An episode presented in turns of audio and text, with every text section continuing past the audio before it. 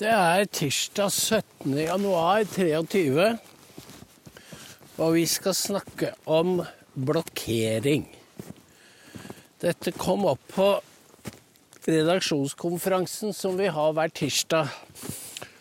Og foranledningen var skyt, eller bomben mot en restaurant på Södermalm i Stockholm. Dette er jo, for de av dere som kjente i Stockholm, et fint strøk. Det er der de menneskene bor som har råd til å kjøpe seg og bo i områder hvor det er relativt trygt. Derfor er bomben på Södermalm så sjokkerende. Fordi den betyr at det er intet sted i Stockholm og Sverige som er trygt for kriminaliteten. Dette handler jo om beskyttelsespenger og gangstere som overhodet ikke bryr seg om at de sprenger svenskenes selvbilde og selvtillit i lufta. Fordi, som det ble sagt, svenskene har alltid sagt at å ja, men bare vent til de krysser den og den røde linjen. Og en av dem har vært bare vent til ranene og voldtektene kommer til de kondisjonerte områder. Sånn har man også snakket i Oslo. Og så kom ranene og voldtektene til de pene strøkene, til villakvarterene. Men ble det noen reaksjon? Nei, det ble ikke det. Og nå sprengte de altså en fin en restaurant i det fineste strøket av Stockholm. Og mediene slår det ikke opp. De skyver de nedover i nyhetsstrømmen. Akkurat som Raymond og Oslo-politiet forsøkte å bagatellisere skytingen ved Nationaltheatret Continental natt til søndag klokka halv ett om natta. For da sier, sier politiet det er farlig. Det farligste man kan være, er å være kriminell. Det er en oppsiktsvekkende uttalelse. Det er en omdreining på at jo, men de skyter jo bare hverandre. Og da er det jo ikke så farlig. Eh, dette er en aksentuering av en retorikk som vi drar kjensel på fra Sverige. For der sier jo politiet det var ingen utenforstående som eh, var i fare. Helt til det plutselig var det, for da ble jo denne jenta skutt på denne bensinstasjonen av eh, et streifskudd. Og slik kommer det jo også til å gå i, i Oslo og andre steder når det åpner skudd. Når det løsner skudd på åpen gate. Og alle vet det, og allikevel sier politiet det de gjør. Og de sier ja, de er alvorlig skadd, men ikke kritisk. Det gjelder hele tiden å ta ned situasjonen. Og det må folk forstå. At politiet er ikke lenger den statens skarpe spyd de er, redus, de er redusert til sosialarbeidere. Og når de er politi, så er det defensivt. Det er ikke offensivt.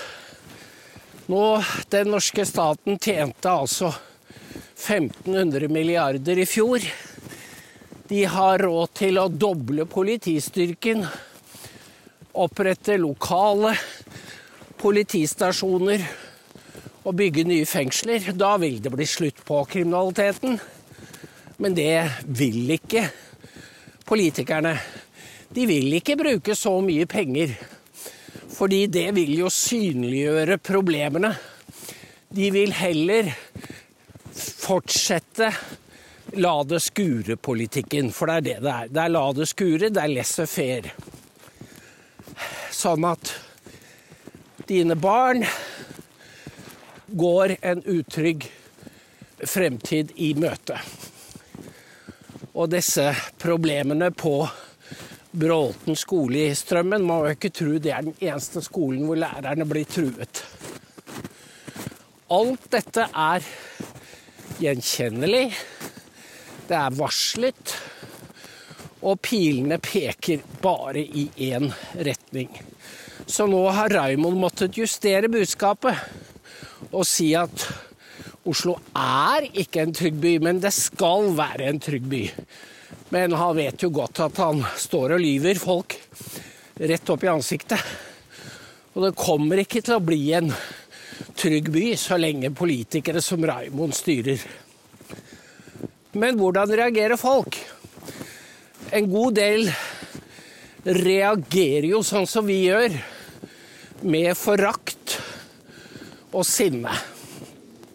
Men det er jo få som tar inn over seg det, den situasjonen til denne jenta som Øyvind beskrev i natt, om Ahmed som får to måneders fengsel og noen samfunnsstraff for å ha ødelagt en ung jentes liv.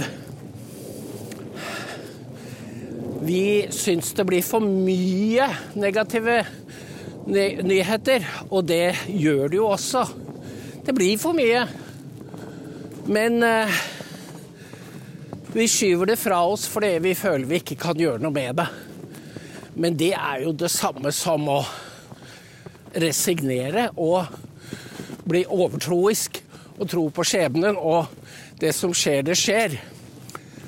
Og da vet dere hva som skjer. Det blir flere og flere ofre. I smått som i stort. Og her er det jo mange som er medskyldige. Det er ikke bare politiet som har gått over til å bli mer eller mindre woke.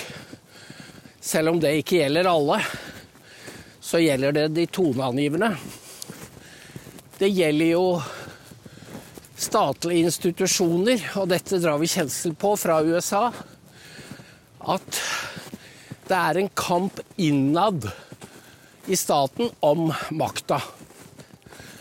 Det kom jo frem at det var en, en privatbedrift, jeg husker ikke navnet, som nektet å foreta skjelettmålinger av hendene til asylsøkere.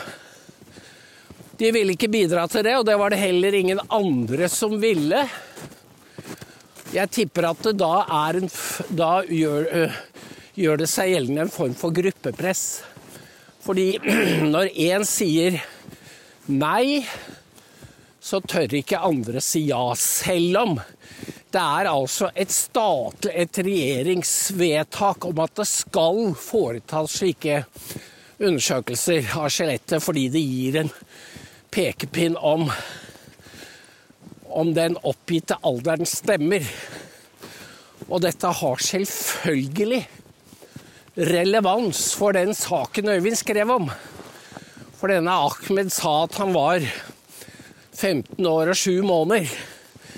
Men det kan jo hende at han var 17, enten 17 år og 7 måneder eller 18 år, for den saks skyld. Og dette vet jo de Dette vet disse firmaene som sier nei. Men de skjuler seg bak humanitære hensyn. Det er dit vi er kommet, hvor humanitet er blitt et våpen mot våre barn og deres fremtid. La det ikke herske noen tvil om det. Og hvis du skal begynne et sted, å gjøre noe, så er det jo f.eks. å bore i en sånn materie og lage et konkret opprop og spre det, sende det til politikerne. Eller ikke bare sende. Ringe. Ringe til stortingspolitikerne. Spørre partiene Hva mener dere? Skal det tas aldersbestemmende bilder eller ikke? Noen kommer jo selvfølgelig til å si at nei, men det er så, det er så upålitelige indikatorer. Og en viss feilmargin er det sikkert. Men den går det an å legge inn, sånn at der hvor det er små marginer, så taler det til vedkommendes fordel. Men der hvor det er store forskjeller, så vil jeg tro at fagvitenskapen vil si at da er det bildene som er mest troverdige, og ikke hva en afghansk 16-17-åring sier. For de vet selvfølgelig De som sender dem, forteller dem at hvis dere er mindreårige, så har dere krav på det og det og det og det. Det vet de. Dette har pågått så lenge at det er de klar over. Og derfor kan de også være så frekke at de kan nekte enhver skyld, selv i meget brutale voldtekter. Og da går det jo an å spørre politikerne skal disse menneskene utvises? For det Disse politikerne mangler jo mot. Og da må velgerne gi dem mot. Og de partiene som er så ideologisk belastet at de ikke vil at de setter hensynet til menneskerettighetserklæringen over hensynet til norske borgeres sikkerhet, de bør stemmes ut av Stortinget. Man bør rett og slett lage kampanjer og fortelle om det, sånne saker som Øyvind skrev om, om Ahmed. Han heter jo ikke det, for det er mange av dem. Og de er så forferdelige. Før snakket vi jo om, mest om terror, men dette er, dette er et tabuemne å snakke om migranters voldtekt, voldtekter og ran av norsk ungdom. For de går bare løs på norsk ungdom. De voldtar jo ikke sine egne. Det er ikke noen jenter med hijab som blir voldtatt. I tilfelle så er det innen eh, små, lukkede fora. De går ikke ut på gata og, og gir seg på jenter med samme kulturbakgrunn som dem selv. Bare legg merke til dette faktumet, så forstår dere hvor mye mediene skjuler. Og det er også grunnen til at politikerne er så unnvikende. Fordi de er klar over hvor stor skyld at det er de som har skylda for denne for at norsk ungdom blir ofret. Jeg tror det Hvis du er konkret, bruker konkrete saker, så er det mulig å skape så mye ubehag, for det må du gjøre. Du må rett og slett gjøre det ubehagelig for politikerne. Dette er det du, dette er det du har på samvittigheten. Og jeg vil ikke kvie meg for å si at om du ikke blir stilt til ansvar i dette livet, så kommer du til å møte igjen disse ofrene i neste. Det tror jeg. Jeg tror på at det er noe som heter dommens dag og skjærsilden. Fordi der blir vi Der blir vi lutret. Der må vi gjenoppleve alt det gærne vi har gjort. Og det kan bli ganske heavy for disse politikerne og journalistene som lyver. Det skal ikke være sånn at man kan ødelegge et liv, få noen timers samfunnsstraff, og så bare gå videre. Og så er det glemt. Sånn skal det ikke være. Vi vil ikke ha et sånt samfunn. Og det er dette, også, dette vil også være selvterapi for de som er med på det. Fordi man vil føle at det er mulig å gjøre noe. Men sånn er det ikke i dag. Det er passivitet og unnfallenhet som gjelder. Vi er jo i gang med noe i dokument ved å ta opp saker i TV, skrive om dem. Og et sted må du begynne. Og som vi snakket om i dag, det er noe som er i ferd med å skje. Fordi folk nå ser at myndighetene vil dem ikke vel. Og det, det, er, det gjør vondt for mange.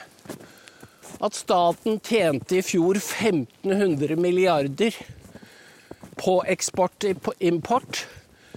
Satt igjen med 1500 milliarder. Det, da skjønner du at uh, denne staten, den er De er så rusa på sin egen makt og rikdom at ditt liv betyr veldig lite. De er villige til å la humla suse. Og det blir liggende igjen noen i veigrøfta, og noen havner under hjula, men det raker dem ikke, fordi de, dette toget går jo så fort at det, du er snart ute av syne, og da er du ute av deres sinn. Jeg har tro på borgerjournalistikk og enkle grep som å lage et opprop om konkrete historier. Og det finnes faktisk politikere som er villige til å ta opp disse sakene i Stortinget. Gjør det ubehagelig for Emilie Enger Mehl og Støre og alle de andre og Arbeiderpartiet, og ikke minst Rødt og SV, som skal være så humane. Humane mot hvem? Det er typisk for de røde. De, eh, sånn som Rødt, de klarer å være humane. Nei, eh, de, de tar parti for vanlige folk når det gjelder strøm men ikke når det gjelder innvandring. For da er de på de fremmedes side. Det er rene ord for pengene. Og bare klin ansiktet til Bjørnar Moxnes og alle de andre i den ned i deres egen matfat, for det har de fortjent. De bør ikke ta ordet vanlige folk i sin munn, for de representerer de andre. Takk for i dag. Hei.